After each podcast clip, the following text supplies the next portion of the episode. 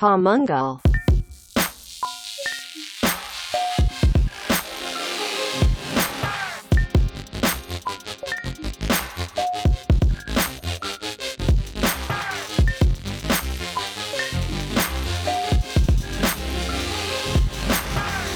יאללה, רצים. ואנחנו בפודקאסט המנגל, פרק 66. 66, עוד 6-1 ואנחנו בכת ה-666. שלום לכל המאזינים והמאזינות שלנו ברחבי היקום, אנחנו צוות המנגל יוסי פורקוש וחגי גולדובסקי. לעוד פרק בחוץ, מטיילים ברחבי הארץ היפה שלנו ומבקרים אה, אורחים מעניינים. ומארחת אותנו היום נטלי טנא, מה נשמע? מעניינים? אהלן, מה קורה? ברוכה הבאה למנגל, הדלקנו אותו הרגע, אז... אה, ברוכים הבאים לעין ורד. תודה כן. רבה, כיף לנו להיות פה וכיף שאת מארחת אותנו, וזה פרק בהחלט מעניין, שכבר נקדים ונגיד שכולו מוקדש ל e-com, ל e-commerce, ליזמות e-commerce, לאתגרים, בלאגן, מיסקונספציות ומה לא, ונטלי, בוא נתחיל כהרגלנו בקודש, תספרי לנו דקה אחת על הרקע שלך, ככה in a nutshell, ואנחנו טסים פנימה. אז נתחיל אה, יותר מהחשיפה שלי לעולם ה e-commerce. התחלתי ב-2009, כשהקמתי את ה e-commerce למותג אה, beauty גלובלי שנקרא לאוקסיטן. אה, באותה תקופה ה e-commerce בישראל היה בחיתוליו. אני ממש עשיתי את הכל אה, hands on ולמדתי מה global אה, איך עושים e-commerce. עכשיו, רק שנבין, מדובר על חברה, לא איזו חברה קטנה ו...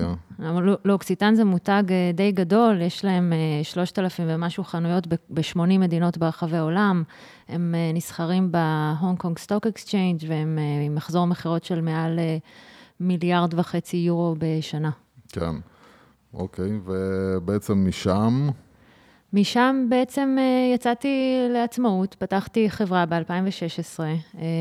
יש לי קהילה שאני מנהלת אותה, שהקמתי אותה בסוף 2016, קהילה של מנהלי e-commerce, שנדבר עליה גם בהמשך.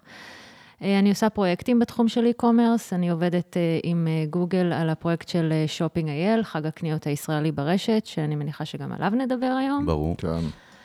אה, עובדת עם סטארט-אפים וטכנולוגיות מתקדמות של e-commerce, אה, שבעצם משפרות את הביצועים של המסחר אונליין, אה, ונהנית מכל יום.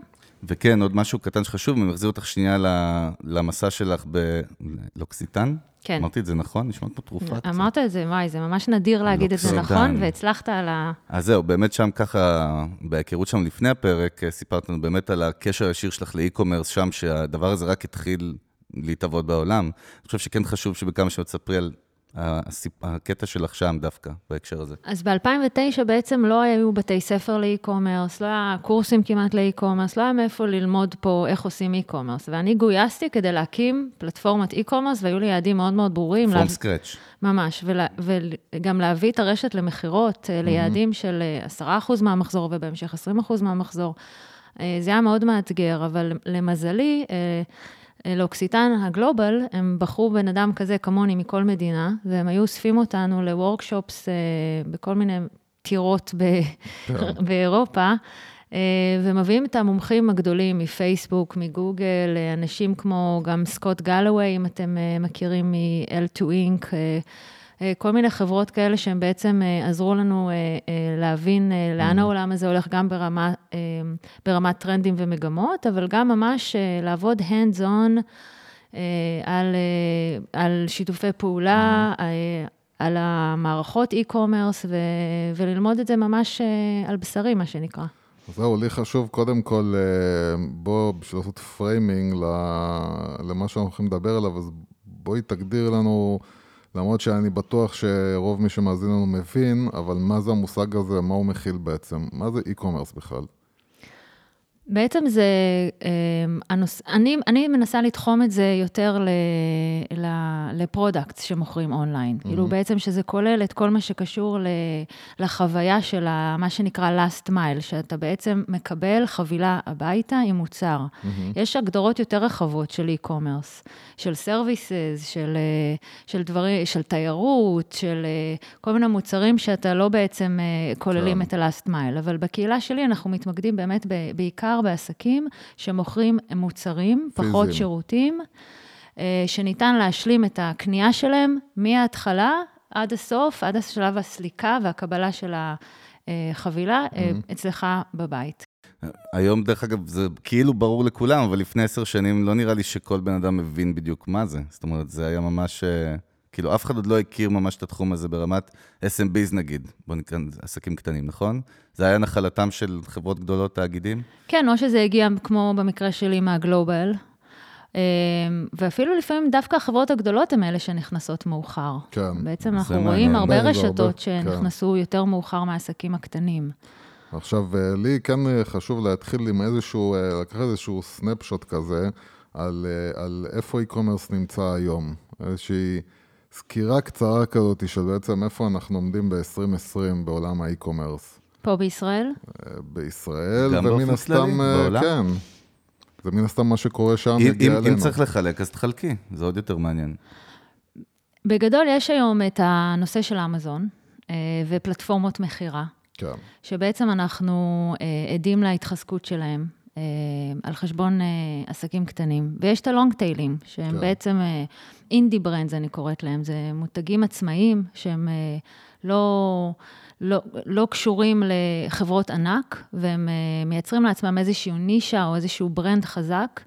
ועובדים בצורה עצמאית, מנהלים את ה e-commerce שלהם הרבה פעמים אה, ממש אה, את כל השרשרת in-house. אה, ובעצם ה- ה- העולם נחלק לשני סוגים. אה, כן. ה e-commerce שיושב על הפלטפורמות, וה e-commerce העצמאי, ככה אני רואה את זה. זהו, ויש שוני מאוד גדול גם באסטרטגיה אה, של, ופה חשוב לי להתחיל להיכנס ולהפריד ולקרוא לזה שמות. בואו נגיד, מצד אחד זה eBay ו- ואמזון בעיקר, מצד שני זה Shopify והחבר'ה שדומים ל Shopify. הפלטפורמות שנותנות את הבמה בעצם לעסקים קטנים ובינוניים. כן, זהו, צריך להבין שמי שלא מכיר את Shopify, Shopify זה סוג של וויקס שמתמקד בעצם בפתרון אה, של פלטפורמה שהיא היא מיו- מיועדת לאי-קומרס. מה שונה בעצם באסטרטגיה של מי שמחליט ללכת לאמזון או לשופיפיי? בסופו של דבר זה האם אתה האונר של הדאטה שלך, האם אתה יודע אה, אה, לייצר את הכל בעצמך, את התנועה בעצמך, מערכת שעובדת עצמאית, לטפל בטראפיק שלך, אה, לעבוד על להטמיע טכנולוגיות חדשות בתור האתר מסחר שלך, בתוך, בתוכו, לשפר אותו, או שאתה בעצם רוכב על פלטפורמה גדולה, שבעצם מסייע, מביאה לך את התנועה, גם שם כן. זה קשה להתבלט. אה, ומערכות כמו Shopify, WooCommerce, וויקס, הן מאפשרות לסוחרים העצמאיים, לברנדים אה, הקטנים יותר, אה, לבצע את ה e-commerce העצמאי ולנהל אותו בצורה שהדאטה נשמר אצלהם, והם בעצם בקשר ישיר עם הגולשים שלהם. הם יודעים לטפח את, ה, את הקהילה הישירה שלהם, והם לא נמצאים כמוצר אחד או brand, אה, brand אחד מתוך אה, מיליוני ברנדים כן. בפלטפורמה קיימת, כמו Etsy, eBay, אמזון. יש גם אה, פלטפורמות כאלה בארץ, יש את מרמלדה למשל. אה, כן. שזה מאוד נישתי, זה ממש ל-small, small, small business כן, owners, זה, נכון? זה סוג של אצי מקומי. כן. ממש עסקים קטנים שהם בעצם עדיין לא, לא מרגישים שהם אה, יכולים להחזיק פלטפורמה עצמאית משלהם על כל המשתמע מכך. אז זהו, בוא, בוא ננסה להיכנס לה באמת בגלל שגם דיברנו, גם את אה, עוסקת הרבה עם אה, SMB Business Owners, בעלי עסקים קטנים, בינוניים. אני רוצה קצת שניכנס כן לבעיות או לאתגרים של, ה, של אותם בעלי עסקים, כי יש להם הרבה, הרבה מהם לא באים מהעולם הדיגיטלי, לא באים, זה נשמע להם by far רחוק מהם, ומה לי ולזה. מצד שני, הם מבינים היום יותר ויותר שהם צריכים להיות שם, והיום אני מניח שהרבה בעלי מכולות, אני נותן דוגמה קיצונית, גם מבינים שאיכשהו הם צריכים להיות שם באיזשהו, באיזושהי קונוטציה. אז בואו נדבר קצת על, מהתובנות שלך, מהניסיון שלך, מה האתגרים, בואו נתחיל מהאתגרים באמת, מה האתגרים שלהם או מה, מה הבעיות שלהם? לא יודע, איך שתרצי לקרוא לזה, נפעיל לך את המנועים. אז בואו ניקח דוגמה של מישהו שיש לו מוצר, נגיד יש לו איזה חנות או איזה רשת קטנה של אה, מספר חנויות, אה, והוא מוכר את המוצר הזה בהצלחה, הוא כבר מחובר מאוד למוצר הזה, אולי הוא מייבא אופליין. אותו, כן, באופליין, אולי הוא מייבא אותו, אולי הוא מייצר אותו בעצמו. אה, ואז מישהו כזה שרוצה להתחיל לשחק במגרש של האי-קומרס, הוא נמצא באיזשהו אה, חוסר אה, ידע לגבי איך אני מתחיל בכלל, איזה מערכת אני בוחר, אה, איך אני, אה, למי אני פונה כשאני רוצה בכלל להקים אתר? פה יש טווח מאוד מאוד גדול של מחירים, אז גם שם יש הרבה מאוד חוסר ודאות ובהירות ו... טווחים מאוד מאוד גדולים, אין לזה, זה לא שוק ממוסד, מה שנקרא. ואני אהיה קצת יותר אגרסיבי, אגיד שיש גם הרבה מאכערים, אנחנו תמיד מדברים על זה בפרקים שלנו, הרבה אנשים שמנצלים את זה, מציעים לך כל מיני, בוא, אני אעשה לך את זה ב-X כסף, ויש לך מחר אתר, אתה מוכר במיליונים וכל הדברים האלה. אז באמת, איך בן אדם, מה, בוא ניקח את ה guidelines הראשונים, business owner שעכשיו רוצה להיכנס לעולם הזה, תכף נדבר על אלה שכבר נמצאים שם, האתגרים שלהם ומה הם יכולים לשפר, אבל מה, מה הכללי ברזל שצריך לדעת שהוא עכשיו הולך אה, לפתוח פעילות אונליין? עצם זה שהוא יבחר בפלטפורמה שהיא פלטפורמה מוכרת, כמו שדיברנו על Shopify, WooCommerce, קודם כל הופך אותו לבלתי תלוי במתכנת שלו, מה שנקרא, או בחברה שבונה לו את האתר. חד משמעית, מסכים. אז מראש הייתי הולכת אה, על הכיוון הזה, ולא בונה אה, מה שנקרא מערכות באיזשהו קוד אה, סגור. כן. אמ, נתחיל משם, ואז אה, יש גם המון, המון היצע של אנשים שיודעים אה, לבנות אה, אתרים על גבי הפלטפורמות האלה, ויש גם, התחום הזה הולך ומשתכלל, יש סטארט-אפ כמו Elementor, שהפך את כל כן, העולם נכון. של WooCommerce להרבה נכון. יותר נגיש, ואפשר כבר, לה, לא חייבים אפילו לפעמים מתכנת בשביל... WordPress. בשביל WordPress, כן. בדיוק. אז, אז כל העולם הזה הופך להיות הרבה יותר נגיש. אה, משם זה כבר עניין של, אה, כמו כל עסק, כמו כל הצעת מחיר שאתה לוקח. זה, זה לקחת מספר הצעות מחיר, זה אולי אפילו להיכנס לקהילה של אנשים שעובדים בעולמות האלה ו, ולהתייעץ איתם, זה תמיד לדבר עם אתרים שאתה בוחר אה, עם מי לדבר, ולא שהחברה שממליצה שולחת אותך אליהם, זה mm. לברר. אמ, כמו, ש, כמו שבעצם אה, בוחרים ובוררים אה, כל ספק, ספק שאנחנו... כן. צריך להבין ש, שזאת לא חתונה, אבל זה מערכת יחסים ארוכת טווח, והפלטפורמה זה דבר מאוד מאוד חשוב. כי זה לא שבונים את האתר ו, ושלום. זהו, זה עוד משהו. המטרה זה, היא זה, זה כל הזמן לשפר את האתר. מבחינתי, חייב להיות תקציב שהתקציב הולך על, על שיפורים בפלטפורמה, כל הזמן. יש איזושהי, אני אוהב את המילה מיסקונספציה, אני זורק אותה כאילו אני בן אדם חכם כזה בזמן האחרון, כל הזמן. אני, אני פה להעיד שאתה לא, קודם כל. ברור. אה, אבל יש מיסקונספציה כזאת באמת, זה אנשים, אני רוצה כן שננסה להכניס אותי לפסיכולוגיה, למה? למה אנשים חושבים שבאי-קומרס, ברגע שהם בנו אתר, הם יתחילו למכור? וואי וואי, זה, זה ידוע. בעצם הם שמים את כל התקציב שלהם. בדיוק, כל הז'יטונים שם. על מה? שזה נורא. על הבילדאפ, על הבנייה. על הבנייה של האתר, והם עושים, משקיעים בו לפעמים אפילו שנה. כן. בדרך הם משלמים לעובדים ובזבזים זמן יקר בכניסה לשוק. ו... ואז הם יושבים ופותחים את האתר ועולה לאוויר, ו... ושום דבר לא קורה. מוכר, מוכר. אני תמיד ממשיל את זה למסעדה שהשקיעו בשיפוץ של המיליון וחצי שקל, ושכחו מהקטע של מיתוג ושיווק, ואז... אה, כן, אבל לא, אנחנו אה, לא. בתור כאלה שיש אה, להם גם חנות בהקפאה בשופיפיי. במקרה, כן. אז אני יודע, אני כל כך מבין מה את אומרת, כי אתה, ועוד פעם, וזה גם ניזון, וזה גם חלק מהדברים שאנחנו פה בשביל לשבור את זה, זה ההבנה הזאת שבנית חנות, זהו, מחר אתה הולך להתחיל לראות את הסחורה עפה. צריך להשאיר, לא את, שם. להשאיר תקציב משמעותי ואפילו עיקרי מהתקציב שלך ליום שאחרי, ליום שבו יש לי כבר מערכת שמוכרת עבורי. גם אם היא לא 100%, אז אנחנו נשפר אותה תוך כדי תנועה, כן. אבל איך מביאים את הטראפיק לחנות? מי, מי הספקים שאני הולך לעבוד איתם ברמת השיווק של האי-קום? אז, אז אם נתעכב עוד שנייה על הנקודה הזאת, ברמה של ה, מה שנקרא ההקמה. של האתר, של התשתית, של המערכת הדיגיטלית של העסק, כדאי עדיין ללכת עם הגדולות, נגיד Shopify, אני, אני זוכר מהניסיון האישי שלנו, בדרך כלל היה כבר לפני איזה שנתיים לדעתי, לא נגעתי כל כך במערכת מאז, אה, היה שם הרבה בעיות לנו בתור ישראלים, זאת אומרת, אני, אני זוכר את זה. בסוף היית צריך איזה מישהו או איזשהו buffer שכן יעשה לך קסטומיזציה וכל העניינים האלה, אז עד כמה זה שם היום? אז זה מאוד התפתח, יש uh, תבניות כבר לעברית ש... כן. שחברות פיתחו ואפשר לקנות אותן, אז, uh, אז הנושא של ה-right to left הוא השתפר. Um, בעצם uh, זו מערכת שיכולה להיות נהדרת לעסק שהוא מתחיל. אני רואה הרבה מאוד עסקים mm-hmm. מצליחים מאוד, שהם עדיין על Shopify. אה, וגם WooCommerce. אה, בארץ יש הרבה מאוד אה, אתרים על WooCommerce, שזה כן. WordPress. כן, וגם עוד פעם, אנחנו כאילו לא מדברים עליהם, אבל...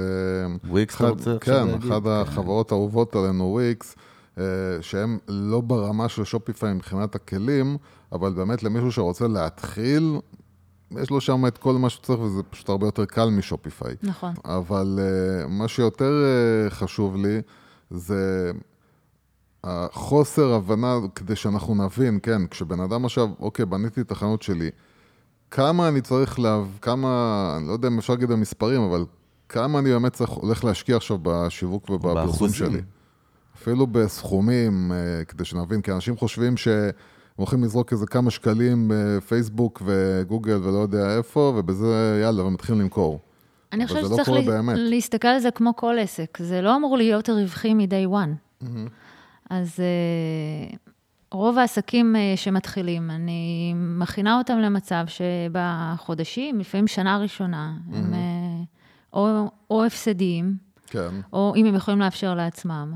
אל, אה, אם יש להם מקור מימון, או בקושי מרוויחים, כי בעצם אנחנו בונים עכשיו את הקהל לקוחות שלנו, אנחנו צריכים להביא דאטה, אנחנו צריכים לעשות שיתופי פעולה, אנחנו עושים השקעות עכשיו, mm-hmm. ואחרי זה אנחנו נקצור את הפירות.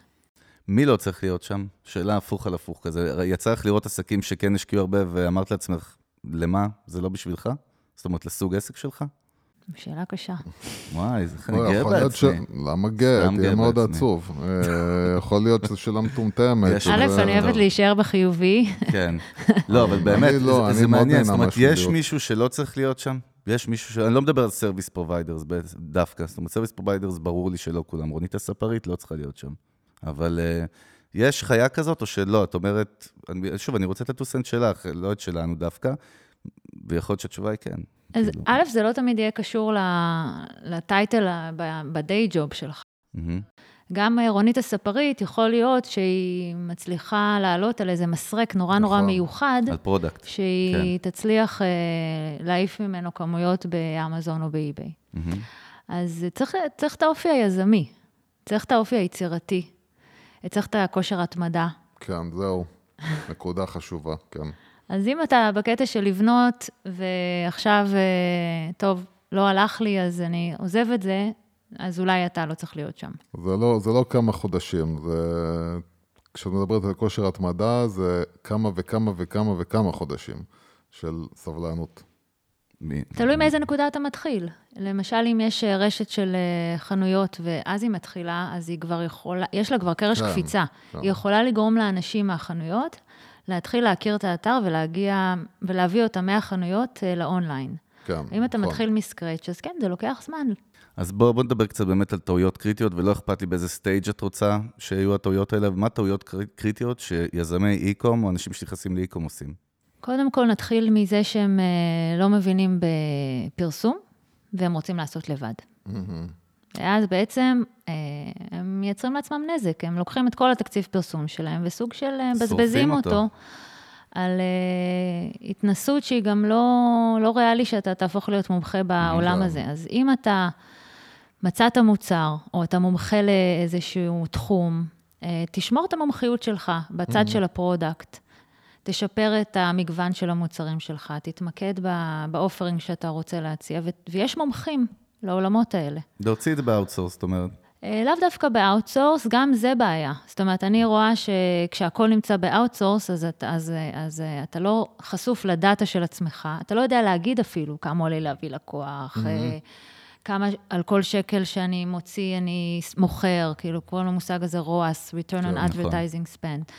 אה, ואז בעצם אתה הופך להיות קצת clueless לגבי העסק שלך. עכשיו, זה עסק של מספרים, אתה חייב להיות בקיא במספרים. אז אני יותר בעד לנהל in-house, אבל באמצעות uh, טכנולוגיות. זאת אומרת... או, uh, עכשיו מגיעים לשם. אנחנו תכף נגיע לטכנולוגיות, אבל כשמדברת על עסק של מספרים, על מה אני צריך לשים uh, לב כשאני מנהל את העסק שלי כ e-commerce? מבחינת מספרים, מבחינת data. כל הזמן להעלות את ה-conversion rate, את האחוז המרה של הקונים. אז בעצם באתרי מסחר אנחנו רואים שבין 1 אחוז, אה, בהצלחה 2 אחוז, mm-hmm. מהקונים, הם מהנכנסים לאתר, מה visitors, הם בעצם קונים. כן. והמטרה שלנו היא כל הזמן לשפר את האחוז הזה. כל שיפור באחוז הזה, הוא מביא לעלייה מאוד מאוד גדולה במכירות. אז פחות להתרכז ב, אה, ב, בלהביא הרבה יותר אה, אה, גולשים ו traffic לאתר, אפשר להתרכז בלהעלות את אחוזי ההמרה. מבחינתי, זה ומה- היעד. ומה זה אחוזי המרה מבחינתך? למשל, בשופינג אייל היה לי אחוז המרה של 8 אחוז, לעומת תקופה רגילה שהייתה 2 אחוז, שהייתי בלוקסיטן. אז כאילו בעצם ככל שהקהל נמצא במקום שהוא יותר מבושל, יותר בא עם אינטנט כן. גבוה, המוצר יותר מתאים לו, אז uh, אתה מוצא אותו במקום שהוא צריך אותך, אז אתה מגדיל את האחוזי המרה, כן. וזה זה החוכמה של ערוצי השיווק שלך. אחד הבעיות, יוס, בכלל, עם מפרסמים, אנשים שמפרסמים ולא מבינים, כמו שבפרסום, שהם חושבים שהם ישפכו traffic פנימה, traffic לא רלוונטי, וזה כבר יעשה את העבודה. זה משהו שאני רואה אותו אישית הרבה. פשוט אומרים, בוא נשפוך, בוא נביא traffic כמה שיותר, בלי קשר למי זה, אם הוא רוצה בכלל מעוניין לקנות את המוצר, או אם הוא הפרופיל של הלקוח שלי. לגמרי, אז אתה רואה אתר שיש לו 20 אלף מבקרים בחודש, אבל 0.001 engagement. אחוז אה, קונה. או קונה, כן. כן. אז, אז אז זהו. מה? אז זהו, אז מה, מה, מה באמת, מה באמת אני... אה, רגע, אנחנו היינו בטעויות. לא, אנחנו בטעויות, כן. בוא, אנחנו או, רוצים טעויות להמשיך קריטיות ש, בטעויות. שיזמים עושים. זה, כל זה היה נקודה אחת כזאת יפה שעלתה. עוד דברים שעולים לך לראש שאת רואה מהניסיון שלך בעבודה עם SMBs. מה הטעויות של יזמי איקום? אז דיברנו על לנהל את הכל בחוץ, כן. שזה גם כן סוג של בעיה. אז אתה צריך באמת להכיר את העסק שלך ו... ולשלוט בדאטה שלך. מתוך הדאטה הזה, אתה, מגיעים לך המון, המון אה, דברים חדשים. תובנות. אה, תובנות, רעיונות. אז אה, למשל, אם אתה מוציא החוצה את ה... או אפילו שם בקומה נפרדת את ה... מישהו שמדבר עם הלקוחות, את השירות לקוחות. אז בעצם איך תדע, אם יתקשרו לשאול למה אין לכם את המוצר כן. הזה, או ואם פתאום עשרות אנשים מתקשרים לשאול למה אין לך את המוצר הזה, אז אולי אתה צריך שיהיה לך את המוצר הזה. אז בעצם חייב להיות קשר בין ה data לבין ה marketing, לבין ה product, לבין בעל, העס, לבעל העסק. וכשהכול נמצא בחוץ, והוא לא שומע את מה שקורה, והוא לא אה, יושב ומוציא insightים אה, מה data של עצמו, אז, אה, אז אתה נמצא בעצם, אתה מרוחק ומפספס הזדמנויות. זהו, אני מסכים איתך כל כך, כי אני גם חושב שזו הזדמנות שלא הייתה בהיסטוריה לשום בעל עסק שהוא לא תאגיד או חברה גדולה, לנהל את ה data ולראות אותה מול העיניים. כאילו באופליין אתה לא יודע כמה נטשו את העגלה, מה שנקרא, או כמה הסתכלו על מוצר ואמרו, טוב, אני רוצה או לא רוצה. ואתה, זה הזכיר לי שהיה- את השופיפיי שלנו, שהייתה לנו חולצה מסוימת, שראינו שם את האחוזי המרה הרבה יותר טובים. והיו חולצות שסתם על המדף, אה, עיצובים, ואף אחד לא, לא עניין אותו. אז כל הדאטה הזה היום נגיש, וצריך לנהל אותו ולהתייחס אליו. ול, כן, ולהוציא ממנו תובנות. אז, ו... אני, אז אני כן יקשה עלייך קצת, ואני אשאל, אני כל הזמן, אני, למה אני אומר רונית הספרית? בסוף תבוא אליי איזה רונית ספרית הביתה, ואותו בעל עסק קטן שעכשיו יש לו את הדאטה הזאת, איך, איך הוא מסתכל עליו? מה, איך הוא לומד להסתכל עליו? זאת אומרת, זה לא... לאנשים בחוץ, שוב, זה נשמע מילה מאוד מפוצצת, דאטה, ו, וזה אנשים שמבינים בזה. מה, מה או איך אה, אותו בעל עסק או בעלת עסק צריכים להסתכל על הדאטה, או לנצל אותה? בסוף, אה, אם אתה עסק קטן, אז אתה צריך אה, שיציפו לך מתוך הערימת מידע הזאת Mhm. את הדברים שמעניינים באמת. כן. וזה מה שהטכנולוגיות אה, יודעות לעשות. בעצם מספקים למ- למנהל האתר או לבעל העסק איזשהו דשבורד, ששם מזוקק כל מה שמעניין אותו. אם זה דשבורד של לנהל תקציב הפרסום שלי, אז, אה, אז, אז הוא יציף לך כמה בכל ערוץ שאני מפרסם בו, אה, כל שקל שאני מוציאה לפרסום מניב במכירות באתר, למשל. הנושא של ה... אה, אה, לשמור על הפלטפורמה כל הזמן up to date ועדכנית ו- ויעילה, ולבדוק שהיא עובדת. זאת אומרת, יש הרבה תקלות שגורמות ל, לבעיות באתר שאנחנו לא מודעים להן. Mm-hmm. אנחנו, הרבה פעמים גם אין לנו את היכולת לבדוק אותן.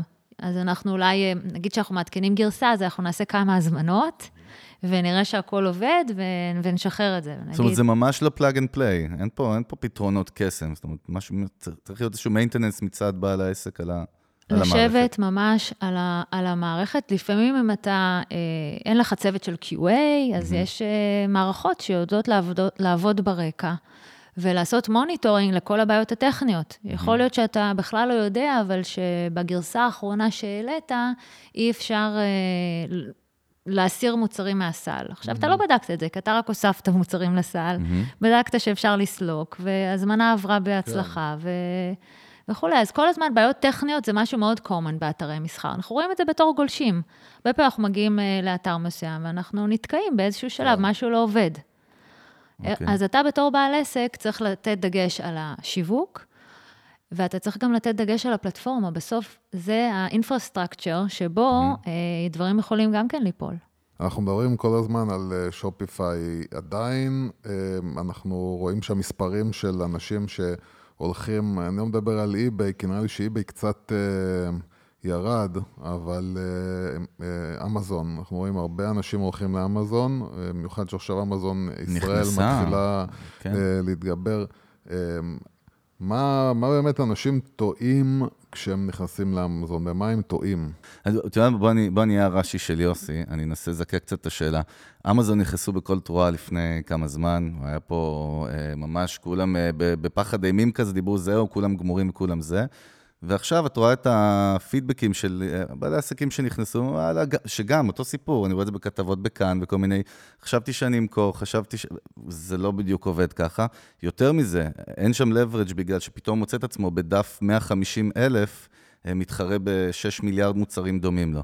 אז השאלה היא, את יודעת, איך משחקים במגרש הזה? את יודעת מה? ואם אני אשאל את השאלה אחרת, איפה עדיף להיות היום לבעל עסק קטן? עדיף לו להיות במקום כמו אמזון, או בפלטפורמה שהיא שלו, במותג שלו, אה, דיגיטלי, או בשתיהם? מה, מה נראה לך? אני דוגלת בזה שאתה צריך אה, להיות עצמאי. הבעלים?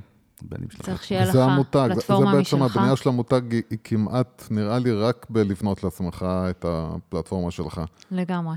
אני, אני מאוד אה, דוחפת לשם, אני אומרת שיש היום כלים שיעזרו לך לנהל את זה בצורה עצמאית, גם אם אתה לא מומחה גדול אה, באי-קומרס, Mm-hmm.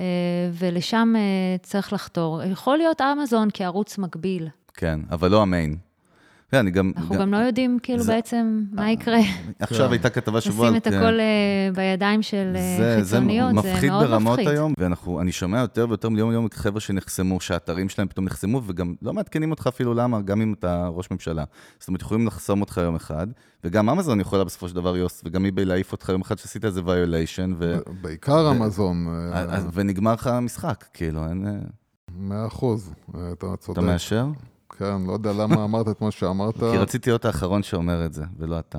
אבל אה, אה, בקיצור. בכל מקרה, אז אנחנו מתמקדים, הכיוון שלנו יותר אה, שופיפיי וכדומה, אז אה, את זורקת כל הזמן על כלים דיגיטליים וכלים שעוזרים. טכנולוגיות, בוא, כן. בוא נשמע קצת על איזה טכנולוגיות ואיזה כלים יש היום שהופכים את. העסק ליותר פשוט בשביל הבן אדם שהוא לא טכנולוג בסופו של דבר, הוא בסך הכל רוצה למכור. אז בואו נתחיל מהדבר הכי בסיסי שמאוד מאוד בעייתי בקרב עסקים קטנים, זה הנושא של איך אני מנהלת את התקציב פרסום שלי. הרבה עסקים כמובן. הפסיקו, אפילו הפסיקו לפרסם, כן. כי הם מרגישים שהתקציב הקטן שלהם הוא פשוט לא נכון. מניב שום דבר, ואני לא מפרסם בכלל, נכון. ואז אה, גם המכירות אה, נראות בהתאם. זו תחושה שאני ממש... אני אמר, היא נתקלת קיימת, בהמון כן. כאלה, כן. אז בעצם העניין הוא שאתה, להיות מומחה לפרסום, זה לא יקרה.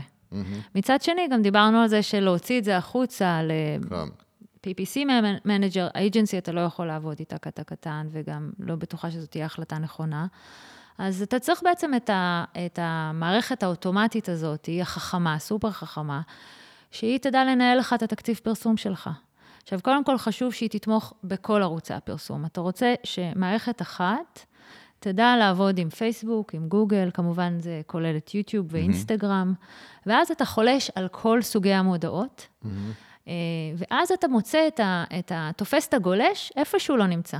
אם הוא רואה סרטון ביוטיוב, אם הוא מחפש משהו בגוגל, אם הוא גולש עכשיו בפייסבוק, אם הוא אה, מ- עושה סטורי באינסטגרם, mm-hmm. בכל מקום שאתה תדע אה, ל- ל- להיות קרוב אה, לגולשים שלך, לקהל הלקוחות שלך, אז אתה צריך לחפש מערכת שהיא בעצם רלוונטית אה, לעולם הזה. אז המערכת אבל שאת מדברת עליה, נגיד, היא ברמת ה distribution, כי אנחנו תמיד מדברים על זה שה copy הנכון וה context הם מאוד חשובים היום. זאת אומרת, סתם מפזר מודעות זה לא... המערכות האלה, מת, מת, הן בעצם לא מתעסקות ב-level הזה, נכון? מתעסקות- המערכות האלה יודעות אה, אה, לקחת את כל הנתונים מהאתר שלך.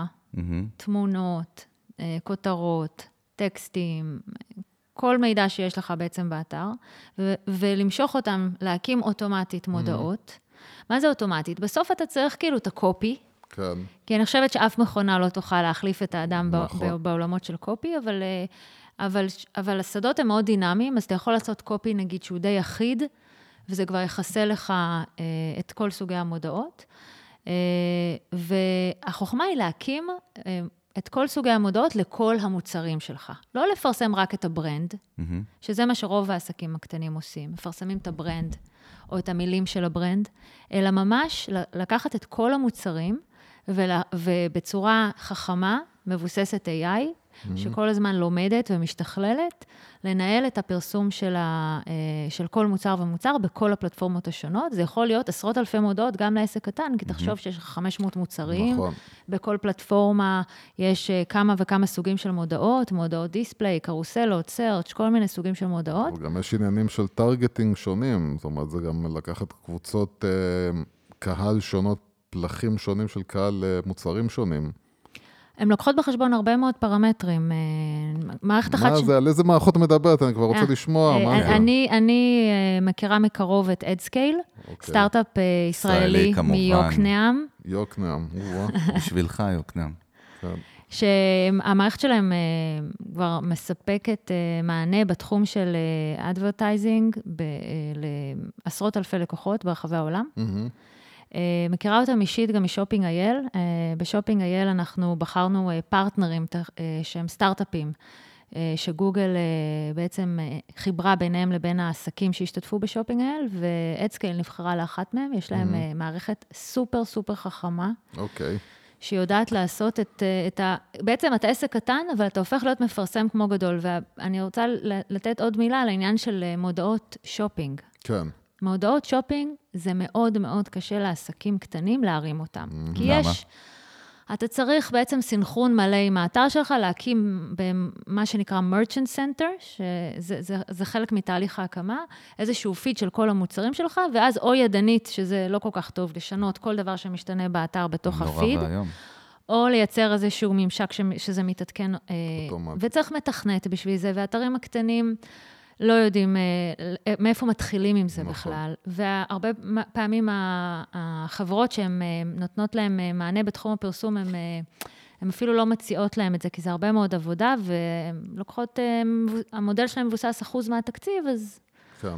זה משהו שקשה מאוד אפילו כאילו, לתמחר. אחוז מהרכש מדיה? כן. ואז בעצם אתה נמצא במודעות הכי ממירות, אתה לא נמצא שם. וגם עכשיו, שהם בישראל, ועוד לא כולם נמצאים שם, אז יש שם פוטנציאל הרבה הרבה יותר גדול. אז כשהיום אתה מחפש בגוגל ואתה רואה את המודעות שופינג, אתה רואה בעיקר את הברנדים הגדולים, וזה חבל. אז מערכות כאלה, כמו AdScale, הן בלחיצת כפתור. באותה, באותה נשימה שהן מקימות אה, מודעת קרוסלה אה, של פייסבוק, הן גם- מקימות לכל מוצר ומוצר אה, מודעת שופינג, ואז אתה מתחיל לראות את התוצאות המדהימות שמגיעות מ... זאת אומרת, הם- הם- ל- ל- לאן לאן הם מתחברים? מתחברים לחנות Shopify שלך? לפלטפורמה, אני מניח. קודם כל, זה ממש. ברמה של plug and play עם WooCommerce, עם Shopify. המטרה של עסקים קטנים זה לא לבחור עכשיו סטארט-אפים שיש אינטגרציות כבדות. כן. אז, אה, אז סטארט-אפים כמו AdScale, הם יודעים, הם יודעים לדבר עם עסקים קטנים, הם מיועדים לעסקים קטנים גם, אז הם אה, פיתחו אינטגרציה. יש להם אינטגרציה, כל הגדולים, כן, אתה ברור. פשוט מוריד plugin. מתקין אותו, ומתחיל לעבוד, ממש מהאתר שלהם. אה, זה WooCommerce, זה Shopify, זה Magento, זה עוד כל מיני פלטפורמות שהן כן. אה, מוכרות. זה פחות רלוונטי לאתרים שהם custom made, ועכשיו, אה, או כל מיני אה, פלטפורמות קצת אה, פחות, יותר סגורות, כמו קונימבו וכאלה, ישראליות, כן. הם לא, הם עוד לא שם. אז... וזה ממש פתרון שאת אומרת, הוא עושה לך את ה... מוריד מהראש שלך כמעט, כמעט אי אפשר... קודם כל, הוא. דואג שאתה נמצא בכל מקום, אוקיי. ב', הוא דואג שיהיה סנכרון מלא, שזה נורא חשוב. היום, אם אני משנה משהו, איזשהו מחיר של מוצר באתר, אני רוצה שזה מיד ישתקף בכל המודעות שהמוצר הזה כן. מופיע בהן, בכל הפלטפורמות. במקום להתקשר למנהל PPC ולהגיד לו, תקשיב, שיניתי את השם מוצר הזה, עשיתי ככה. וגם אתה תלוי בגורם אנושי וחיצוני, זה המון המון טעויות. זה, זה מדהים, וגם הם אה, פשוט, ב-Machine Learning, כל הזמן אתה רואה את השיפור הולך ומ- ומתגבר. ו- וזה גם יודע לנצל את התקציב שלך יותר נכון? הרבה פעמים זה, אה, אתה רואה ירידה בניצול של התקציב. בעצם, הר- אה, עסקים לפעמים מנצלים את התקציב, כי יש להם תקציב, אה, מישהו צריך לנצל אותו, כן. אבל לא, ב- בצ- המערכת תמיד פה, היא כן. יודעת, היא יודעת מתי כדאי לנצל את כל כן. התקציב. תקציב, ולא רק זה, היא בכל רגע נתון, אתה לא צריך להחליט ככה לגוגל וככה לפייסבוק, תשים לי 2,000 שקל פה, 2,000 שקל שם, מי קבע?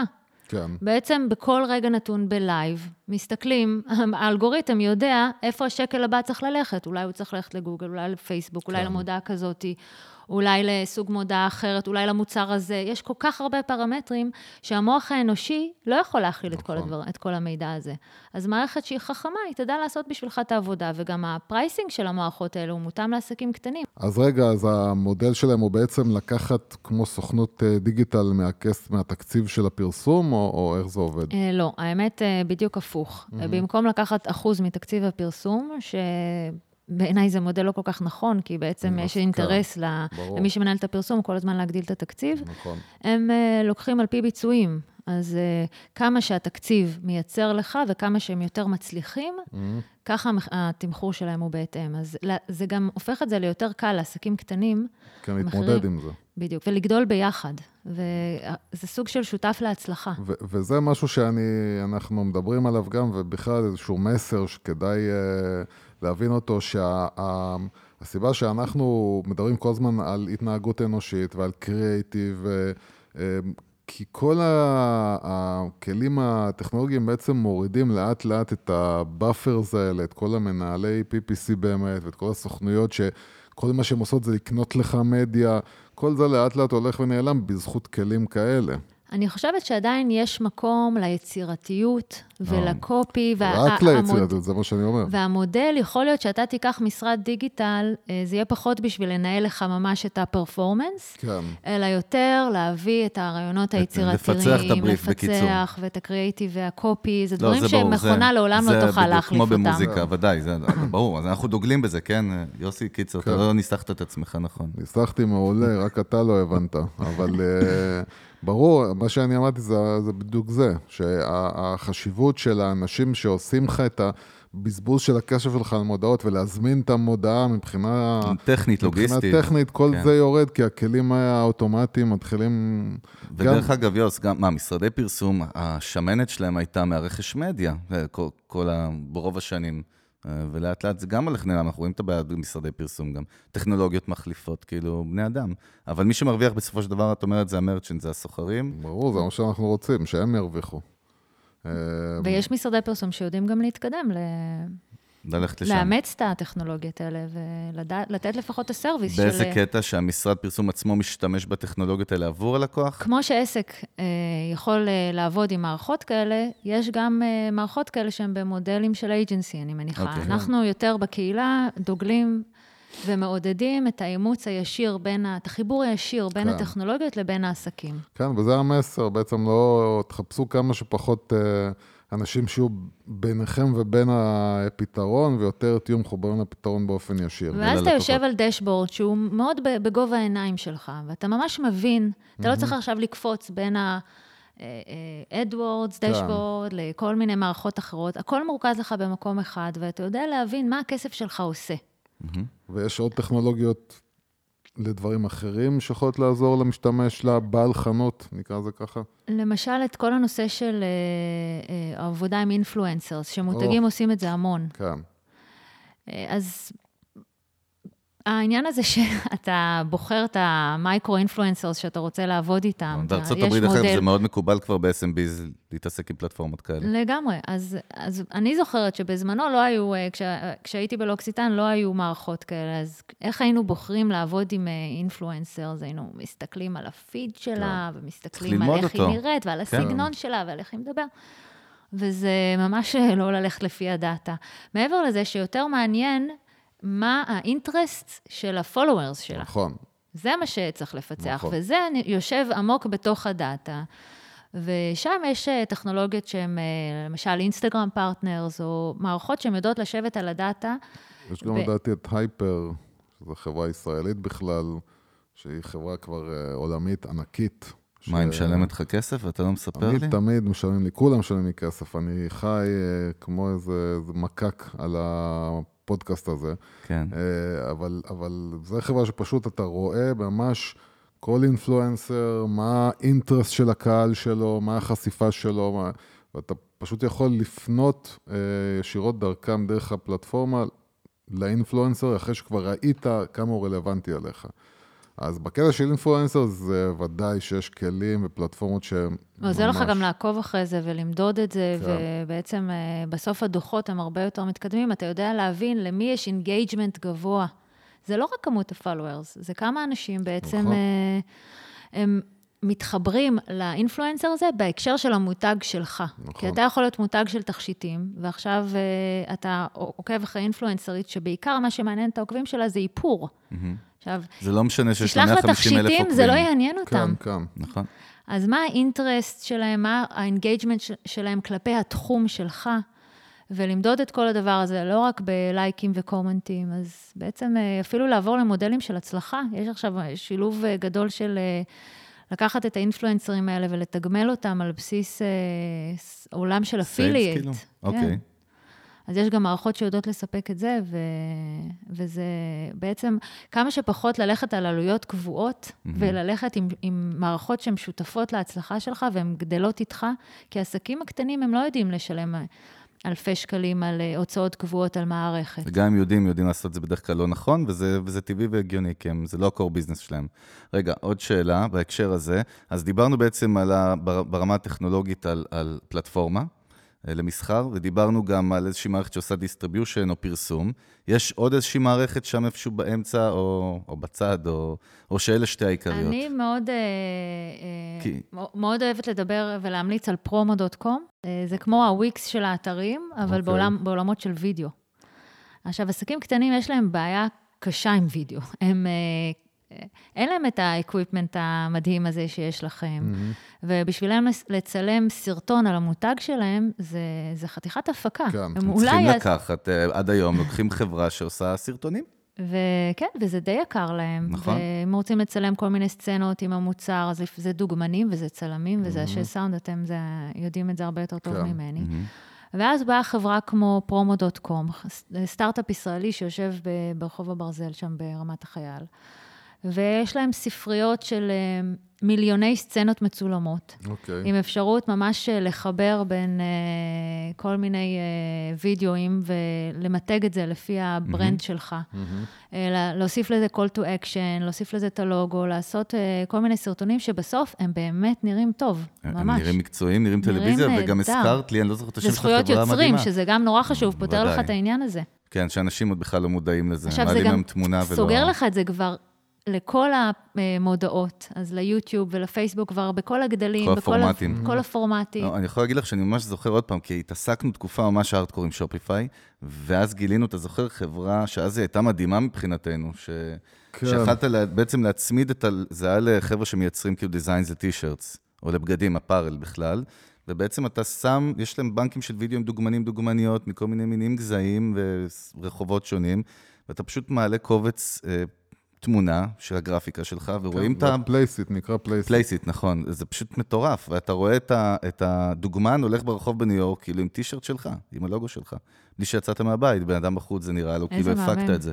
טוב, אז בוא, בוא נדבר קצת על משהו ש... שאת מתמחה בו ואת עוסקת בו כבר uh, תקופה, וזה שופינג האל, שזה איזשהו אירוע מכונן בישראל שקורה כל שנה, וכבר, uh, זה לא משהו צדדי, זה, זה משהו מאוד מהותי פה בארץ, ב- בעולם האי-קום. ואז בואו תספר לנו קצת על, על זה, ודיברנו קצת גם לפני, ואמרת לי שאת מגלה מיום ליום שהרבה הרבה עסקים קטנים לא, לא מודעים בכלל לקיום של Shopping IL. אז בואו בוא נדבר קצת על שופינג אייל. אוקיי. כמה פעמים אמרתי Shopping IL עכשיו? כן, אז יותר לך- מדי. לך- לך שופינג משל- משלמים, קיצור, כן. הבנתי. אז שופינג, אה, נתחיל אה, לטובת העסקים שהם מאזינים ולא יודעים בכלל מה זה, נתחיל אה, בכלל בלספר מה זה Shopping IL. זה או. יוזמה של אה, גוגל ישראל, ממש המצאה שלהם, מהמם. שהם התחילו אותה ב-2014, עם 150 אה, עסקים. והשנה כבר אה, חגגנו שש שנים ל Shopping IL, והשתתפו 1,660 אה, אתרי מסחר. זו בעצם חגיגת קניות אה, ברשת, נטו ברשת, שהיא כמו ה Cyber Monday האמריקאי. יום הרווקים הסיני של ישראל. בדיוק. יעני. לגמרי. כן. ולא סתם היא גם נמצאת ממש בחגי נובמבר, כי איפה שיש, מתקיימים כל החגיגות. אה, e-commerce. אה, המטרה היא בעצם לתת איזשהו fight, או לפחות במה, לעסקים הישראלים המקומיים, לפני שהכסף אה, זולג החוצה. כי בעצם אנחנו רגילים לפתוח את ה... ארנק להוציא כרטיס אשראי ב Singles Day בכל האתרים הסינים, ואחרי זה ב Black Friday, גם בישראל, אבל הרבה מאוד באתרים אמריקאים, אה, ולהזמין מאמזון וכולי, ופה יש את ההזדמנות לתת את הבמה נטו לעסקים ישראלים שמוכרים בעברית, באתרים מקומיים פה בארץ. מה זה דורש עם בעל עסק? קודם כל, חשוב מאוד מאוד להבין שזה חינם. חינם. עסקים קטנים אוהבים שמביאים להם traffic בחינם, ואין הרבה הזדמנויות כאלה. אני זהו, לא מכירה עוד אף מיזם כזה שבעצם נותן לך מתנה, אז זהו, אז פשוט קודם מתנה. כל זה להבין מה הם מקבלים. זאת אומרת, למה לעסקים זה טוב. כשאתה משתתף ב Shopping IL, אתה מתחייב על שני דברים, ואתה גם אה, מקבל הרבה. אז על מה אתה מתחייב? קודם כל לתת value, value לגולשים, משהו, הצעה אטרקטיבית. זה 48 שעות, ב-48 שעות האלה אתה צריך לעשות איזושהי הנחה, הטבה משמעותית. משמעותית. מהמם. אה, הדבר הזה... לדוגמה, בואי, אנחנו אוהבים דוגמאות. תני לי דוגמה, מה זה משהו דוגמה? משמעותי. אני אומרת, לא אני. תמיד אומרת ב- שזה... לא, אני 20% שואל, מה. להוריד 30 אחוז מהמוצר? אני תמיד אומרת שזה ביחסי לעסק. אני- למשל, עסק ש, של אופנה, שבסיילים של סוף עונה הוא תמיד עושה 50 אחוז, מהמם. אז כבר לקוחות שלו מכירים בדיוק. את זה. אז זה צריך להיות טיפה יותר. משהו שהוא בעצם שובר את, ה, את הנורמה של, אה, של החגים הרגילים, חגי הקניות הרגילים של השנה. אבל יכול להיות עסק שהוא אף פעם לא עושה הנחות, והוא ייתן 20 אחוז הנחה בשופינג אייל, וזה יהיה מאוד מאוד משמעותי.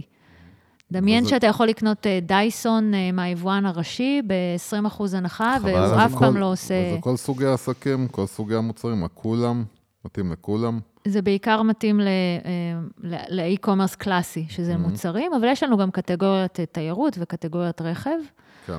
אה, שזה פחות אי-קומרס קלאסי, אבל אה, בהחלט אה, יש שם הצעות מאוד מאוד אטרקטיביות גם בסקטורים האלה. אה, מה שחשוב לדעת זה שקודם כל אתה נרשם לזה, אתה מתחייב לתת את ההנחה הזאת, אה, זה חלק מהתקנון. איזושהי הנחה שגוגל לא נכנסים אה, לעניין הזה, זה צריך להיות באמת משהו שאתה לשיקולך, והגולשים הם חכמים. מהמם. צריך כן, לקחת את ברור. זה בחשבון, שהגולשים יודעים מה זה הנחה אטרקטיבית, והם אה, אה, מכירים, אם הם מכירים אותך, הם יודעים, אתה לא יכול לעבוד עליהם בעניין הזה. והדבר השני זה להשתמש בערכת המדיה. ערכת מדיה שגוגל מכינה, של לוגו Shopping IL ושפה עיצובית של Shopping IL, שאפשר להשתמש בה ברמות שונות, אבל לפחות רק להטמיע את הלוגו בדף שאליו אה, מגיע כל ה traffic. תכף נספר על איך מגיע אליך traffic. ואז בעצם אנחנו עולים ביחד אלפי עסקים עם שפה מיתוגית אחידה, אתה נהיה ויש חלק לזה מה brand הגדול כוח הזה. עצום. יש לזה כוח אדיר, שכולם ביחד עולים באותה שפה, ובכל מקום שאתה גולש, ובכל מקום שאתה נמצא, אתה רואה את זה. בכל אתר, בכל ניוזלטר, בכל... כשאת אומרת לי 1,600 עסקים, נשמע לי פתאום כלום, כאילו. לא? יש לזה המ- המון מקום כאילו- לגדול. אז אני, זאת אני אומרת שכל- נפגשת עם עסקים כל הזמן, שבכלל אה, עדיין לא שם. זאת אומרת, מבחינת גוגל יכולים להיות גם 100,000 עסקים כל שנה ב Shopping IL, או שלא. לא- בוא נגיד, אין limit? לא מגבילים את זה בינתיים. אוקיי. לא אז מה. ה process? אני עדיין מנסה להבין. זאת אומרת, מעבר ה process לשפה הוא קודם כל זה שאני... להגיש בקשה להשתתף. כל אתר ואתר עובר בדיקה. ברור.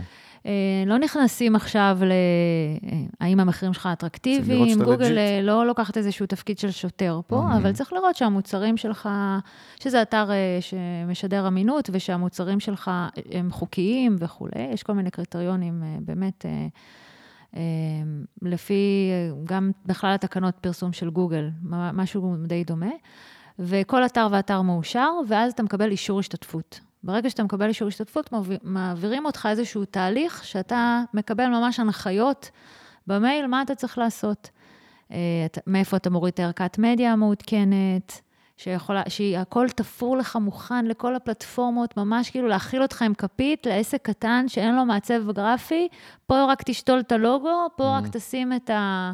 אה, ההצעה שלך, תכתוב אותה פה, ויש לך באנרים מוכנים לכל הפלטפורמות. ויש לך header לאתר ו header לניוזלטר, וכל מיני אה, עזרים שיווקיים שאתה יכול ממש להשתמש בהם, נותנים לך גם רעיונות ממש אה, מה לעשות ואיך להתכונן. יש את אה, זירת המבצעים של זאפ, שזה בעצם אה, זירה סגורה ייעודית, זה לא האתר הרגיל של זאפ, זה שיתוף פעולה עם זאפ השוואת מחירים. ושם אתה יכול להעלות את המוצרים שלך. שאת, וזו זירה המוצרים סגורה שבהנחה. של שופינג כן, האל, השנה כאילו. היו בה 30 אלף אה, מבצעים, מוצרים, אה. שאחד-אחד כל אתר יכול היה להעלות כמה מוצרים שהוא רוצה בהנחה. אחד-אחד הוא ממש מעלה אותם, שם את המחיר לפני, את המחיר מהמם. אחרי, עם תמונה וטקסט וכולי. ואז הגולשים, כשהם מגיעים לאתר שהוא אתר הפעילות, זה נקרא אתר שופינג.איי.ל, shopping.il.co.il, לשם הם יכולים לבחור או לחפש לפי הקטגוריות אה, את האתרים עצמם. אז יש אופנה, אלקטרוניקה, ילדים, אה, תיירות, אה, כל מיני קטגוריות, יש 20 קטגוריות, ושם יכולים למצוא את העסקים שמשתתפים.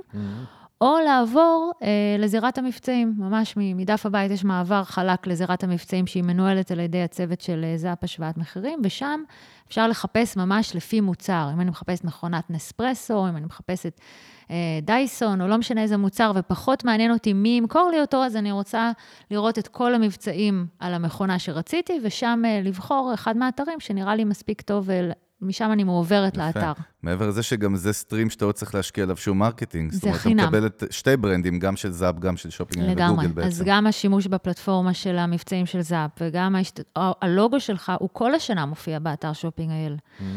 אמנם ביומיים האלה גוגל אה, מזרימה traffic אדיר לאתר הזה, אבל כל, כל השנה האתר הזה אה, קיים וחי, ואפשר לראות את העסקים האלה, זה סוג שמשמש אה, כל השנה סוג של אינדקס. ויש גם מתחם כחול לבן, שזה משהו ששווה לציין אותו, כי זה שיתוף פעולה עם משרד הכלכלה. בעצם לתת במה כפולה לעסקים שיש להם תו מיוצר בישראל.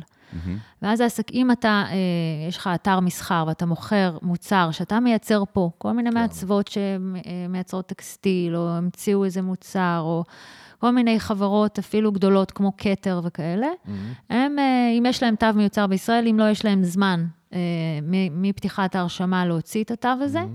אה, ומשרד הכלכלה מאשר את ההשתתפות שלהם, ואז הם מופיעים פעמיים. הם היחידים שמקבלים במה כפולה, גם בקטגוריה המתאימה להם, וגם במתחם כחול לבן. ואז אה, בעצם זה נותן עוד איזשהו פוש לתעשייה הממש מקומית. בקיצר, אין מה, זה כולם צריכים להיות שם נקודה, כן. זה לא... כן. אבל רק אנשים זה- מפספסים את ההרשמה, או שהם עכשיו ישמעו אותנו ויגיד, אני אשתתף בזה בנובמבר, ועד אז הם כן. ישכחו בזה, אז אני רוצה לתת איזשהו טיפ.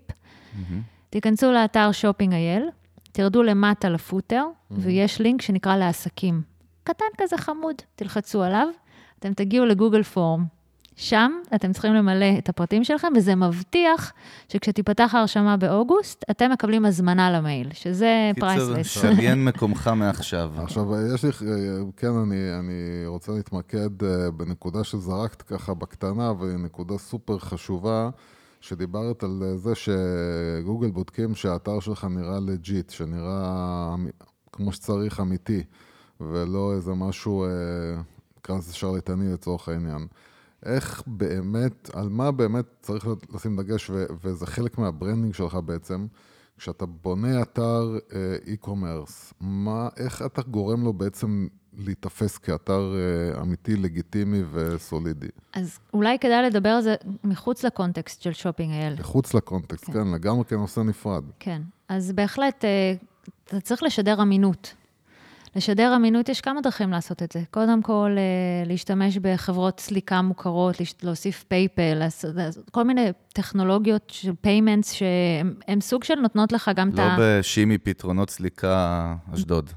אוקיי. מקווה מאוד שאין בן אדם כזה, יוסי, באמת. כן, אם, אם יש, אני אז מתחיל אני... לסכן את עצמי יותר מדי, כן. הייתי חייב. הוא יתחבר ל- לספרית ולכל החבר'ה האחרים.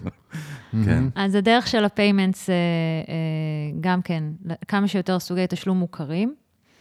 אה, כמובן, testimonials, אני יודעת שגם אפשר לזייף טסטימוניאלס, אבל... בווידאו קשה מאוד זייף טסטימוניאלס. אבל זה סוג של לעשות, אה, אה, לשדר אמינות, זה מהמם. כל הזמן אה, לשתול. יש את יוט פה, אם אתם מכירים, מכיר. ש- שבעצם הם עובדים על user-generated content של הלקוחות שלנו, שבעצם לאסוף מהם את ה-reviews, וזה ידוע בתור משהו שמעלה את אחוזי ההמרה באתר, ובגלל שזה מעלה את האמינות ונותן יותר ביטחון, להזמין מאתר שאני רואה שהמון אנשים הזמינו בו ומספרים את החוויה שבו, אז הנושא של reviews בתוך האתר הוא מאוד מאוד יכול לעזור. אה, וגם, אני חושבת שגם קצת איך שהאתר נראה. קצת, ככה על הדרך, כן. זה דבר שהוא. מאוד... זה קשה חשוב להסביר. את זה, אבל יש אתרים שאתה נכנס אליהם וזה זה- מריח אה, פישי לגמרי. זה, אני אומר, אם הזכרת את זאפ, זה קורה הרבה בזאפ, שאתה נכנס לאתרים, אה, שאתה רואה בהם נגיד איזשהו מחיר טוב, ואתה פשוט זה לא, אתה זה רואה לא האייבורי, אתה אומר, כאילו, זה לא האייבורי, לא, אבל הכוונה אתה היא- רואה שיש, זה לא נראה משהו, שזה נראה לך כמו משהו שאתה לא, לא יודע, לא, ש- לא הייתי שם את כן. הכרטיס האשראי שלי בגלל. שהאסנס אני לא יודעת, שלנו... דווקא אני חושבת שזאפ הוא סוג של אה, לא על איזשהו... זאפ אני מדבר, אבל מוצרים שאתה אם מגיע אתה אליהם מופיע מזאפ. שם, אז כנראה שעברת בדיקה מסוימת. מבחינתי, זה כן היה נותן לי איזשהו סוג של אבל אה, אתה- כן, אבל אתה סינון. מדבר כשאתה מגיע לאתר, אתה מגיע לאתר שנראה, בסדר. כן, אז אם הגעת אליו לא דרך זאפ, נגיד, לצורך העניין. נפלת עליו, מה שנקרא, אז uh, באמת יכול לרא- להיראות לך מאוד מאוד מוזר. אבל דווקא אם הגעת אליו דרך פלטפורמה שהיא, שהיא חברה גדולה ומוכרת ולא תכניס כל כן. אחד, ואני מכירה מקרים שממש אה, זאפ הוציאו מה, מהמערכת שלהם אה, לקוחות שהגיעו הרבה תלונות לגבי האספקה של המוצרים. אז זהו, אז, טוב, אז אני. לא, אני לא רציתי לקשור את זאפ לשיחה, השיחה שלי הייתה, אוקיי, אני מדבר על אתרים בסדר, לא קשורים לזאפ. דיברנו על מה אבל, חשוב. אבל, כן. אבל חשוב להבין, כי גוגל. הרבה, הרבה, הרבה אה, אה, אנשים שבונים אתר e-commerce, לא מתייחסים בכלל יוס, כמה הוא נראה. אבל זה, ה essence, ה essence שלנו הוא מיתוג, ואנחנו מדברים על זה, אין כמעט פרק שאנחנו לא, זה בסוף חוזר לעניין של branding. למה אתה גם- מתערב? גם מה אל שאמרת, תתערב. גם הוא מחזק את דבריך. אני מחזק לא, לחלוטין. לא, לא, לא, אל תתערב. אבל אל שנייה, תתערב. אני גם- מדבר איתה, רגע, תעזוב אותי. גם מה שאמרת באמת על כרטיסי אשראי, בסוף זה מצחיק, אבל זה גם הפסיכולוגיה האנושית, שאני רואה את אמקס שם ואת ישראכרט, זאת אומרת, הלוגו שלהם או זה ייתן. ביט- כן, אבל כן, כי כאילו... פייפל, קודם כל, הוא מחזיר לך את הכסף אם נכון. לא קיבלת את נכון, המוצר, יש אז זה- ריקון. זה סוג של ביטוח. נכון.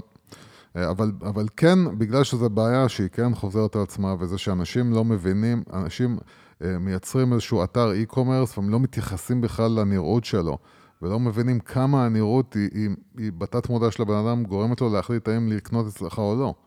הם גם לא מתייחסים אה, אפילו לאריזות של המוצרים שלהם, אם כבר אנחנו מדברים על נראות. אוקיי, זה בבקשה. גם אה, נושא שעם כל העולם הזה של unboxing שדיברנו עליו, של influencers שפותחים את החבילה, כל ילד היום, כן. כל נער ונערה שמקבלים איזה מוצר, הם עושים unboxing פרטי בחדר שלהם. לא יודעת אם אה, כן, שמתם כן, לב כן. לסרטונים כאלה.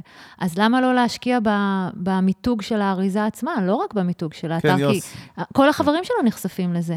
למה שהלוגו וכל השפה העיצובית לא יופיע, יצעק מתוך הקופסה, או אפילו Mm-hmm. פר אה, קולקציה לעשות את זה? ולזה, אגב, יש גם פתרון, פתרון חדשני אה, של Box of Mind. Box of Mind. כן. עכשיו פתאום, דרך אגב, אני רואה אותם בכל מקום. כי בעצם ה- ה- לעסקים קטנים זה נהדר שאתה יכול להזמין כמויות קטנות. כן. הבעיה עם, עם כל. האריזות האלה, ש, שאתה גם היית עובר תהליך סיוט עם, אה, עם בתי עם דפוס, אני זוכרת גם. את זה. כן. זה היה סטודיו, וכל ואז ה- בדפוס, כן. וגם אה, בסוף אתה צריך להזמין אלף, אלפיים, בשביל אה, בכלל נכון. שיסתכלו עליך. מהמם. ופה עם עסק קטן, אתה יכול להזמין אפילו רק לאינפלואנסרס, אוקיי? רק לאינפלואנסרס, להזמין להם איזה 100 ו- קופסאות. ואנשים לא מבינים את זה, אבל אנשים לא מבינים בכלל, בכלל, את, אני, אני מדבר איתך בתור אדם שמדבר עם לקוחות. בקטע, הם בקטע של עזוב, עכשיו אין כסף, אני נשקיע בזה אחרי זה. ושולחים את המוצרים אבל- שלהם איזה בתוך מבאס זה קופסאות לקבל אה, קרטון. חבילה אפילו, נכון. כן, שמשתמשים, יצא לי גם לקבל בכלל אה, איזה כאילו ריוז של קרטונים, אז אתה כן. בעצם מזמין מאיזה חברה, ופתאום אתה מקבל אה, קרטון של איזה סופר או מכולת, שכנראה כן. נמצאת לידו, כן. ואתה כאילו אומר, יואו, זה לא יאומן שאני כאילו, הרסו לי את כל החוויה. אז זהו, אז, אז אנשים צריכים להבין כמה זה חשוב. לא אז מבינים הנה, עכשיו. אמרת והם הבינו. היא מתחילה נקפוץ. באתר, דיברנו על זה, והיא נגמרת ממש אה, כשהלקוח מקבל את או, אז זהו, החבילה. רגע, זאת נקודה שממש ככה שאתם מדברים, אני כבר ממש רציתי שנפתח אותה, וזה החלק, אני קורא לו השלישי המהותי בכל העולם של אי-קום. זה כל העניין שיפמנט, המעבר מדיגיטל למימד הפיזי, המפגש של הלקוח עם המוצרים, בסופו של דבר. אני, אני יכול להגיד לך ש...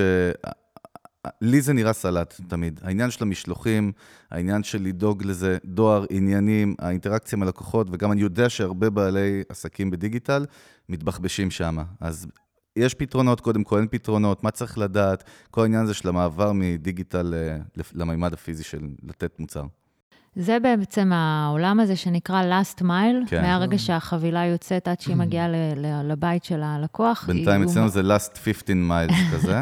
אבל- היא, הוא מאוד מאתגרת. גם אני ברמה האישית אה, מוצאת עצמי כל אחר הצהריים פה הולכת לכל מיני נקודות איסוף דואר שונות. מוזרות כאלה, כן. ויבואו פתרונות, יבואו, אה, יצוצו פתרונות. יש, רגע, יש, אין בארץ עדיין מישהו, אה, או מערכת, יש- או גוף, או חברה שלקחה על עצמה לעשות את זה, כמו שקוויק עושה בעולם המשלוחים של הסופרים? אני עוד לא מכירה שירות, שזה משגע אותי. הבת שלי מזמינה בכל מיני אתרים, ההוא שולח לי לפיצוצייה ההיא, ההוא שולח לי לפה, ההוא שולח... נהיה קטע מוזר עם אחר הדואר. הצהריים אני מבלה, בקדימה, תל מונד, זה, לאסוף חבילות. אני רוצה שהכל יגיע למקום אחד, מוכנה לשלם על זה. עם כל מעצמת הטק אינוביישן שלנו כן. וזה, אז אנחנו נדבר על ההסכם עכשיו, מייסדים אחרי מה זה. שאני מאוד אוהבת זה פתרונות אה, מאוד פשוטים, כמו אפילו ה-Yellow Box, כן. ששם אני לא צריכה למצוא חנייה, כי אני עושה, אה, עוצרת עם האוטו ממש אה, מחוץ ל... ברוב התחנות דלק יש מקום ל, ממש ל double parking מול הדבר הזה.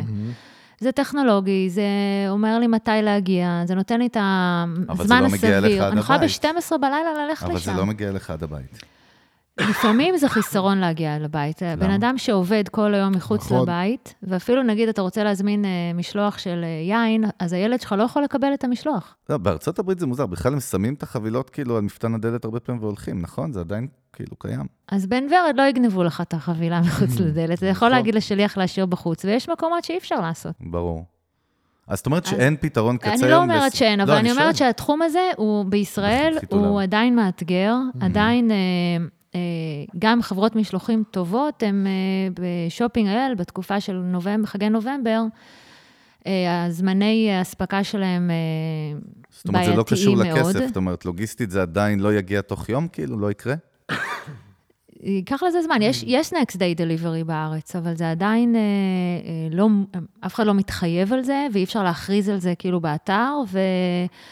וזה, טרמינל X זה דוגמה נהדרת שהם אה, כמעט תמיד, אה, אני בתור אה, קונה שם, כמעט תמיד אני מקבלת את זה יום למחרת, אה, זה, זה נדיר. נכון, זה באמת מגיע יום. אחרי, נכון. והם הציבו סטנדרט אה, חדש, שמאוד מאוד קשה... זה אה, מגניב, כן, אין ספק. אה, להגיע אליו, ממש. אני, אני לגמרי מחמיאה להם, וזו דוגמה נהדרת למישהי שהצליח, לחברה שהצליחה אה, בעצם לתת סטנדרט של, אה, של אה, last mile שהוא מצוין. אז רגע, אז אם אנחנו חוזרים לאותם ביזנס אונרס או מרצ'נטס, מה כן טיפים שתוכל לתת להם על משלוחים? או אל תתחייבו ל-X ואל תעשו זה, מה common mistakes שם?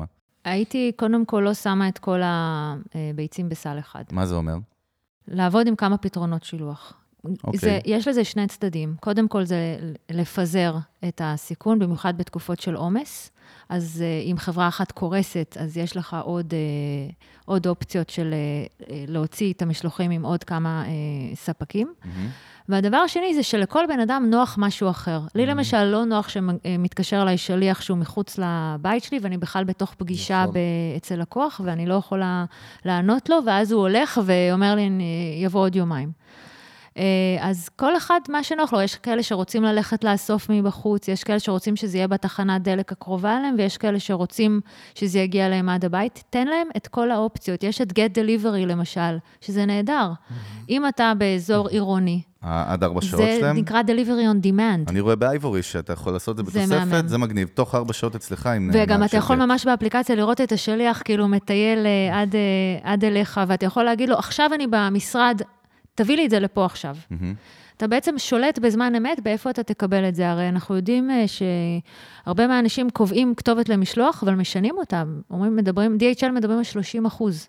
פרסמו באמת? נתון של 30 זה אחוז. הזוי, מה זה? שינוי, והם אה, גאים שהם אה, פשוט עלו על ה- על ה insight הזה והם מספקים את האופציה הזאת, אה, כן, לגמרי אני- מבינים אני- שזה צורך. אני מחר לך, אני נכון. ב- במשרד אצל לקוח עד הלילה, ואני רוצה שזה יגיע אני אגיד לך מה לשם. שקורה איתם, הם פשוט, אה, אה, רוב המשלוחים אה, של, של אמזון מגיעים דרך DHL, והם פשוט שולחים לך יום לפני גם אס.אם.אס וגם אימייל, אם יש לך הזדמנות לשנות את אה, נכון, הם הפכו, את זה. הם, הם הפכו את זה ליתרון. זה, כן. זה בדיוק הדבר שאנחנו זהו, אומרים זה להסתכל קטע. על הדאטה, לראות מה הלקוחות רוצים, זה קטע, ועכשיו להציע את זה מזה. כמוצר. זהו, אני התחלתי להתלהב מזה, אמרתי, בואנה, איזה יופי, ו- ואיך הם מתחשבים, ולא הבנתי בכלל שזה נובע מבעיה שקיימת. 30 אחוז זה המון. אז פתרונות כמו Get Delivery, שהם עדיין לא, כל כך אה, פרוסים טוב אה, מחוץ לערים, אבל בתוך הערים זה נהדר, וזה שירות פרימיום. אבל יש אנשים שמוכנים לשלם בפרימיום, במיוחד ציינת את אייבורי, אם אני, הטלפון שלי או הלפטופ שלי שווק חיים, אני אשלם הרבה מאוד כסף כדי לקבל אחד חדש תוך ארבע שעות. לך שאני אשלם גם את העוד 40-50 שקל בשביל שההרד דיסק שאני צריך יבוא אליי היום, ולא עוד אה, שלושה ימים. בדיוק. אז למה לא להציע... אני לקוח טוב, יוסי. אז הטיפ שלי זה בעצם להציע את כל מגוון המשלוחים, מהכי בסיסי ופחות שירותי, אה, אוקיי. לפרימיומי. אה, גם כל אה, הטייפים של המשלוחים, איסוף, אה, ללכת לאסוף, לקבל עד הבית וכולי, וגם לפזר את הסיכון. יש עוד סטארט-אפ שאני לא מכירה כל כך מקרוב, אבל הוא בעצם לוקח פאצ'י, הוא לוקח את, את האפשרות לעבוד עם כל החברות משלוחים. הוא ה buffer כאילו? ואתה בעצם מתחבר רק אליו. פצצה. הוא גם בצורה חכמה בוחר לכל אריזה ולפי כמה שהלקוח מוכן לשלם. עם איזה חברת משלוחים להציע, ואז אתה בעצם יכול לעבוד... חוסך לך את הכאב ראש הזה ואת כל האופציות. כן, בישראל אין להם הרבה אופציות. כרגע. אבל בחו"ל, בארצות הברית, יש הרבה מאוד סוגים של משלוחים, נכון. ground delivery ו air delivery. אם אני רואה בכלל איזשהו מוטיב שחוזר דווקא בשיחה שלנו, שהוא מעניין, מבחינת כללים, זה תמיד תיתן כמה שיותר אופציות, בין אם זה דיברת על סליקה, על אשראי, או על משלוחים. אני, אני רואה כאילו שיש את העניין הזה של תמיד תיתן כמה שיותר אופציות ללקוח, נכון? שהוא, שיהיה לו את האפשרות לבחור משהו שנוח לו כדי שהוא יישאר איתך. לגמרי, אני חושבת שזה חלק מה offering. השאלה אם זה לא באיזשהו שלב יותר over? מדי, זה מתחיל להיות uh, מבלבל. יוס, בפתרון תשלום פעם ראית שזה over? זאת אומרת, מה? אני מנסה לא, להבין. לא בפתרון תשלום, אבל uh, במשלוחים למשל, זה יכול להיות, מתחיל כבר uh, להיות, להיות לי ברדק בעיניים, לראות את כל האפשרויות האלה. אבל אני אבל לא כל, בטוח לא שזה... כולם אתה, אתה יודע. כולם, קודם כל, צריכים להיות אני. כולם זה יוס. אבל, אבל אה, מה, שלי חשוב זה להזיז את השיחה הזאת סביב אה, הדברים הפרקטיים, שמבחינתי הדברים הפרקטיים זה אה, לחזור ל...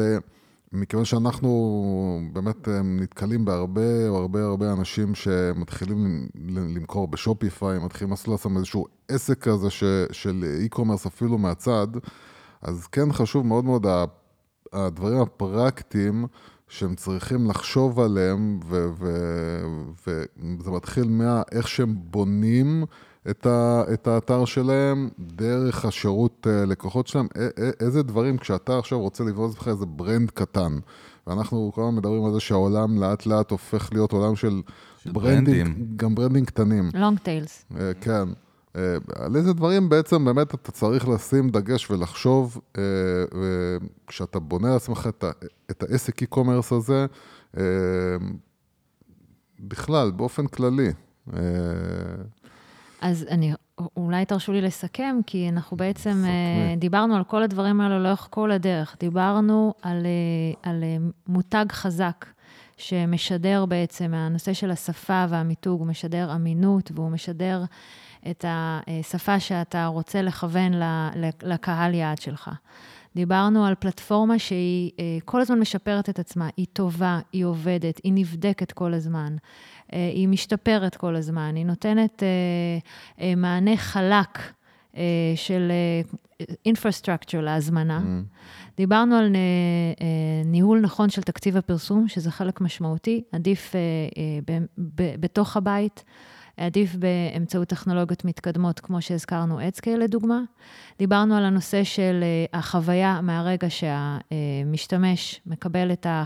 יוצא את החבילה ועד שהיא מגיעה אליו, אז החוויה של ה-last mile, בנושא של משלוחים ובנושא של אריזה ממותגת. ואת כל הדבר הזה, לתפור עם שירות לקוחות טוב, שהוא משתף אותך לאורך כל הדרך. בעצם הצרכן לא אוהב לנחש מתי תגיע אליו החבילה, איפה היא נמצאת כרגע.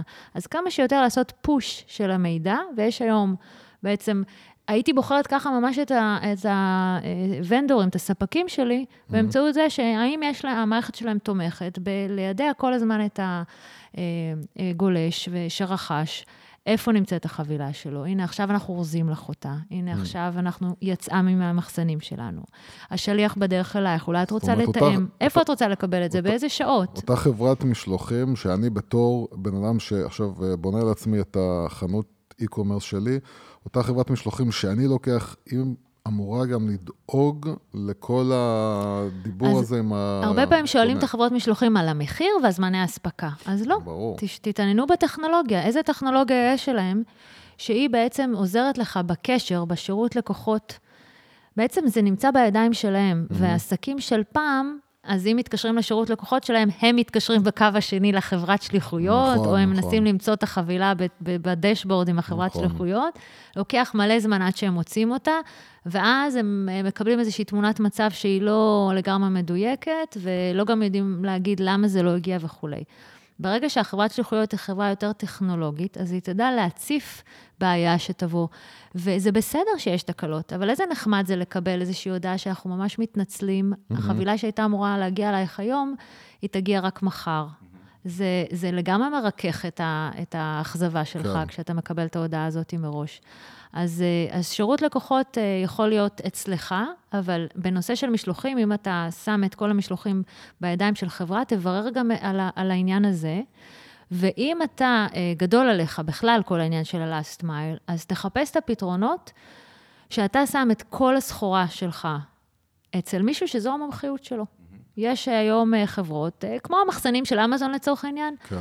אה, אבל לאט לאט אתם תראו יותר ויותר חברות מקומיות שיודעות לתת את ה... מתעסקות לך בכל הלוגיסטיקה, בכל המימד הפיזי? אתה שים אצלי את כל המוצרים, אני יש לי מלקטים, לפעמים הם אה, רובוטים כן, בכלל. יוס, ראינו את זה בארצות הברית, כבר זה קיים שם לא, שנים. זה ה drop shipping. נכון, בארצות יהיה, הברית זה, זה... זה כבר, אה, יש ניצנים של זה פה בארץ, ובעצם אפשר יהיה לתת ליזם להיות יזם, להתמח, להתמחות ב product שלו, ולהוריד ממנו את כל ההתעסקות של ה-last mile, ולעשות את זה בצורה הרבה יותר חכמה עם כל חברות המשלוחים. כי חברות כאלה הן מתמחות, הן עובדות, הן משיגות מחירים מאוד מאוד טובים מכל החברות משלוחים, כמובן. הן אה, עובדות עם טכנולוגיות מתקדמות שיודעות ללקט את זה בלי טעויות. הרי אין, אחד הדברים הכי מבאסים זה לקבל את הקרם הלא נכון שהז- שהזמנתי, כי הזמנתי לו יבש נכון. אין וקיבלתי לו... אין מקום לטעות אתה יודע כזאת כמה ב-2020. טעות כזאת עולה? אין אין לה מקום. להחזיר את זה ולשלוח עוד חבילה חדשה. זמן ועצבים, כל בטח. כל ההזמנה הופכת להיות לא רווחית. אז הליקוט הנכון והזמן של זה, חברות כאלה לפעמים צריכות אה, להוציא אלפים של חבילות ביום. ואנחנו בשופינג אה, פתאום הווליום של ההזמנות שלנו נהיה עצום. אנחנו מוצאים את עצמנו, יורדים למטה כל האנשים בחברה ומתחילים לארוז חבילות. אנשים לא עובדים. אז אולי בתור פתרון לטפל בפיקים, נדע לתת, אה, או לעבוד עם כמה- חברות שליחויות, או אה, מראש נמנע את הסיטואציה הזאת וננסה למצוא אה, עזרה בדמות של outsource אה, לכל העולם של last mile. זה דברים שהם עוד אה, בחיתוליהם, אבל אה, אני חושבת שכדאי להתחיל אה, לחשוב גם על אה, אה, אופציות כאלה, שאנחנו נראה אותן יותר ויותר. אני רוצה, אני רוצה באמת, נורא נורא חשוב לי אה, להיות קצת, אה, להתלכלך בידיים. ולהבין מה הלקוח שלנו, כשהוא נכנס לחנות שלנו, למה הוא בעצם מצפה ומה יגרום לו לא להמשיך לקנות אצלנו או, או לצאת מהחנות. יש הרבה סיבות לזה. אה, קודם כל, אם אנחנו, אם אני לא מוצאת מה שחיפשתי. אה, מה זה אומר?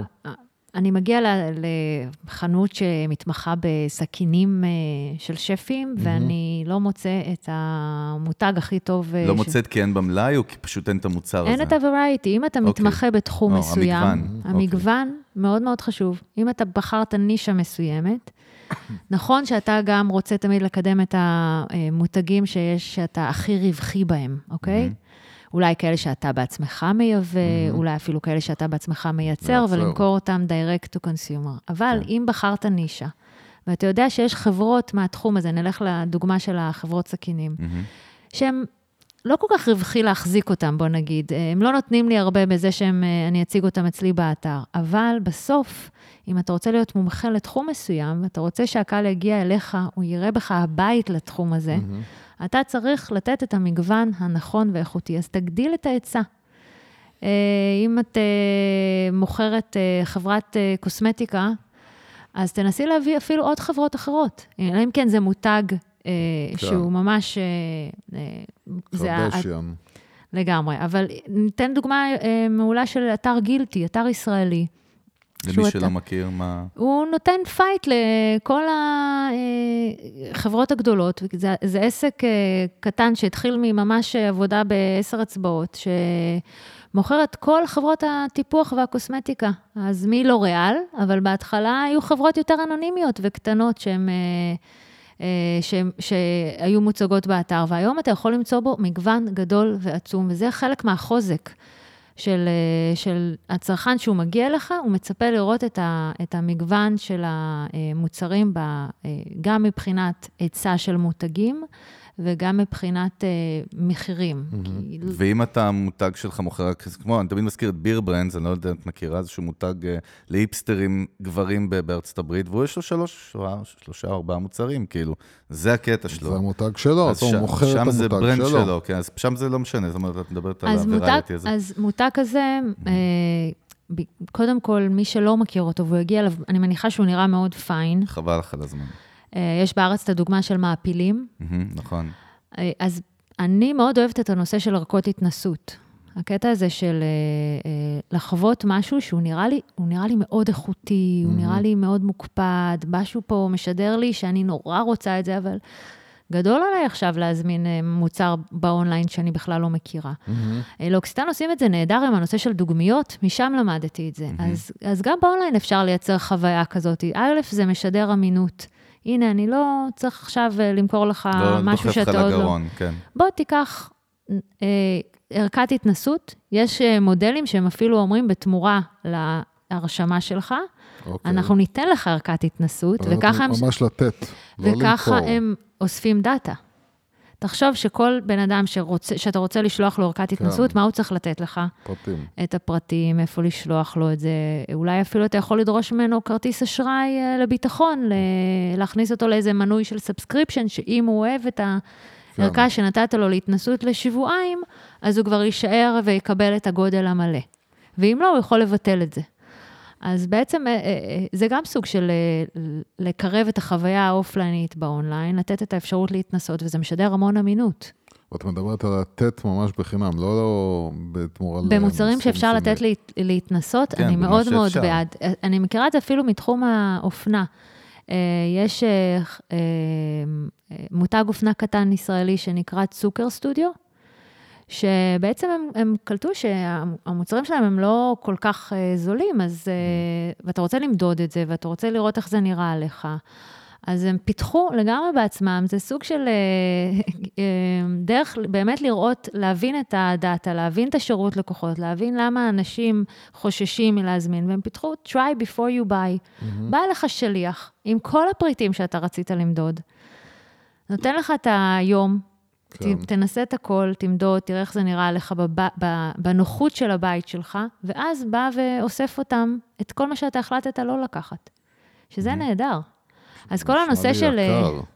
נשמע לי טוב, זו דוגמה ספציפית, דרך אגב. זה, זאת אומרת, זה, זה לא דוגמה מתאים, בדיוק, זה לא מתאים זה לכל... לא מתאים לכול. אתה, אתה מחפש שכזה זה מותג guidelines פרימיום. כלליים, בדיוק. ל- לא, ברור, אני. מחפש משהו, אנחנו הרי יודעים, יש לנו כל מיני חבר'ה שהחל מאנשים שעכשיו אה, לקחו מ... אה, אמ- מ... לא מאמזון, מאלי אקספרס. איזשהו מוצר ודוחפים אותו, נכון. ועד לבאמת מישהי טוב, ש- שעכשיו מוכרת שרשראות בהם, אה, שהיא מייצרת בבית. אני מחפש כאילו את ה guidelines לאנשים האלה. טוב, אז בוא נדבר שנייה באמת על, על עניין נטישת העגלה, מה שנקרא, לקוחות שנוטשים, שנוטשים את המסע באמצע. אנחנו יודעים גם זה הרבה קשור ל-UI UX, אבל אולי לאו דווקא רק. בואי תתני לנו כמה טיפים ככה לסוחרים, אה, עשה ואל תעשה, או על מה צריך להסתכל בדאטה הזה, בכל העניין של לקוחות נוטשים. כי בסופו של דבר זה אנשים, ש... זה traffic שהגיע, ובסוף החליט שהוא לא רוכש, תכלס. זה, זה, זאת המציאות פה. איך אפשר לטפל בנושא הזה? לטפל? לא. לא לטפל, אבל... לעזור שזה לא יקרה. קודם כל, אפשר אה, להתחיל מזה שהרבה מהם אפשר להציל. ואנחנו אה, רואים שבכלל אנשים לא מתייחסים לזה. זאת אומרת, יש נטישות, והם לא עושים עם זה שום מה, הם דבר. אומרים כאילו fuck it, זהו, סתם נטש, בהצלחה, ביי? רוב העסקים הקטנים, כן. אנחנו יכולים לעשות עכשיו סקר וללכת להוסיף דברים לסל הזוי. ולנטוש את זה שנייה לפני ה payment. נכון. אולי מתוך 100 עסקים, שניים ייצרו איתי קשר, וינסו אה, להבין למה נטשתי. אז הדבר הכי בסיסי, עוד בלי טכנולוגיות, זה קודם כל תדעו אה, אה, מי נטש, ו- ורוב המערכות יודעות להגיד לך גם מי הגיע עד שלב. השלב הזה, כי כן. בדרך כלל הם עושים לוגין, והם ממש אה, הם מאפשרים לך לראות אה, את- אפילו את פרטי הקשר של הנוטש. ואז אפשר אפילו ברמה הבסיסית להתקשר, ממש להתקשר אליו. או לשלוח מייל. כן. או לעשות את זה ליצור קשר. באוטומציות וללכת כן. להתקדם. אנחנו מנסים עכשיו לחשוב איך, קודם כל, בדבר הכי בסיסי זה איך להתייח, להתייחס אליהם. זאת להבין, אפשר ללמוד המון מזה. אתם תגלו שהמון מטורף. אנשים פשוט, עכשיו פת... הילד שלי הפריע לי ואני, אין לי זמן לזה. נכון. בכלל אני רוצה את המוצר הזה, אבל אני מאיזושהי סיבה כרגע לא, לא התאפשר לי אה, אה, להשלים את הפעולה של הרכישה. עוד שתי דקות שהייתי צריך לעשות את זה לא היו לי זמינות, ואני אשמח מאוד שהחברה תתקשר אליי ותגיד לי, המוצרים שהיו לך בסל זה זה וזה, את עדיין רוצה אותם? אין בעיה, תני לי אפילו עכשיו כרטיס אשראי בטלפון, וזה בדרך אלייך. זה, זה חלק מסרוויס מעולה. שאתה יכול לתת ללקוחות הנוטשים. המטרה שלנו בסרוויס הזה למכור לאותו אדם, או רק להוציא את הדאטה ואת התובנות לעמון נטש כדי לשפר? גם להציל מכירות, בראש ובראשונה להציל מכירות. אני חושבת שהרבה מאוד מהחברות האלה אפשר להציל. אנחנו היינו עושים את זה ממש כרוטינה של בוקר, כן. ב checklist כאילו. מתקשרים לכל האנשים שאתמול. נטשו את הסל. וזה זה בסדר? כל כך זה פשוט. legit כאילו? זה לגיטימי לעשות את זה? אנשים וזה- היו כל כך שמחים שהיינו מתקשרים אליהם. באמת? כן. וזה, וזה. עוזר ל conversion ממש, זאת אומרת, זה... היינו מצילים הרבה מכירות, ממש. אוקיי. אה, ומי שאמר, לא, בסוף לא התאים לי, הכל בסדר. זה, אבל אה, זה לא דבר פולשני. אתה התחברת לאתר שלי. תגידי, נטלי, יש משמעות לפייז שהוא נוטש, מבחינת התובנות מהדאטה שלנו? באיזה שלב הוא נטש, אם זה בעגלה, או אם זה בדף המוצר, או אם אני, בזה... קודם כל, יש סוג של לקוחות שיש להם שיטת, אה, שהיא מאוד אה, מבלבלת, יש להם שיטת קניות, כן. שיכולה מאוד לבלבל אותך מבחינת מעניין. אה, זה. הרי אפשר היום לטרגט את האנשים שהוסיפו מוצרים לסל, ברור. נכון? אבל יש אנשים שהם הם, אה, כמו אלה שלוקחים הכל באיקאה, ואז כשהם מגיעים לקופה, מתחילים הם לנפות, מתחילים כן. להשאיר דברים שם בסלסלה, לא סתם יש שם את הסלסלה הענקית כן. הזאת, שאפשר להשאיר שם חפצים. אז אותו דבר, יש אנשים שככה הם עושים e-commerce. הם קודם כל מעמיסים ומעמיסים, ואז הם רואים, אוקיי, אם זה מחו"ל, אז קודם כל אני רוצה לראות שלא עברתי את ה-75 דולר, אז כן. אני מתחיל להוריד. ואם זה מארץ, זה בהתאם כאילו לכל מיני שיקולים והחלטות. ואז אנחנו צריכים להבין שזה מידע שיכול מאוד לבלבל אותנו. זאת אומרת שהם הם, הם, נטש- הם, הם לפעמים העמיסו יותר אה, מה, אה, מהסל, אבל לא כי הם באמת תכננו לקנות את זה. זה דבר אחד. ב', יש המון המון טכנולוגיות, המון טכנולוגיות, שהן יודעות בצורה אוטומטית פשוט להתייחס לעולם הזה. הם עוקבים אחרי, אחרי לקוח בתוך ה... והם יעשו לו אוטומציה, והם ירדפו כן. אחריו, והם יציעו לו אפילו, בוא תיקח את העוד אה, עשרה אחוז ותחזור ו- וכולי. אז, אז אם אי אפשר לעשות את זה ידנית, מפאת כוח אדם, ואפילו עדיף, לא, לכל ל Shopify, אני יודע, ול WooCommerce, לכולם יש. טונות של אפליקציות, חלקם חינמיות, חלקם עם add-on upgrade בתשלום, ש... לגמרי. אתה פתור יכול לעשות אה. ל- אפילו להציג להם את המודעות ב- זאת אומרת, אה, של הדברים שהם כן. נטשו, ממש. אז אנחנו אומרים באמת, בעצם שהנוטשים זה, זה זהב, ברמת המידע, התובנות, הדאטה. בכלל, כל התחום של loss prevention. אוקיי, ולגבי באמת לסיכום, איזה שהם כלים חינמיים, מקורות ידע ששווה לאנשים שמתעסקים עם e-commerce להתבונן בהם או להיכנס אליהם וללמוד, איזשהו מקור שאת ממליצה עליו. אפשר ללכת ל-grow with Google, זה זה השם של ה... grow with Google, של... כן. אוקיי. בעצם אה, פלטפורמה חינמית שגוגל פיתחה בשביל אה, לקדם אה, את השימוש בכלים שלה, ויש שם מהמם. גם כלי חינמי שאני מאוד מאוד אוהבת לשחק איתו ולהראות אותו במיוחד ליזמי e-commerce שרוצים למכור border. שזה אומר בינלאומי, כן. במדינות אחרות. אז יש שם כלי נהדר שנקרא Market Finder, חינמי לגמרי, שבו אתה מזין את ה-URL של המוצר שאתה רוצה לבדוק ביקושים אליו, והוא אומר לך איזה markets, הרי גוגל חולשת על ידע מטורף ברור. של ביקושים, ויכולה להגיד לך עכשיו, המוצר הזה, תתחיל מלמכור אותו בגרמניה, באנגליה, בכל מיני מקומות בעולם שלאו דווקא היית חושב עליהם, ונותנת לך מידע על השוק עצמו. איזה, מה, אה, מה אנשים, אה, כמה חיפושים היו על המוצר הזה, ואיזה שיטות תשלום הם אוהבים. למשל, אפשר לגלות שם, אה, באחד הפעמים ששיחקתי, זה הראה לי שבגרמניה מאוד אוהבים בכלל העברות בנקאיות.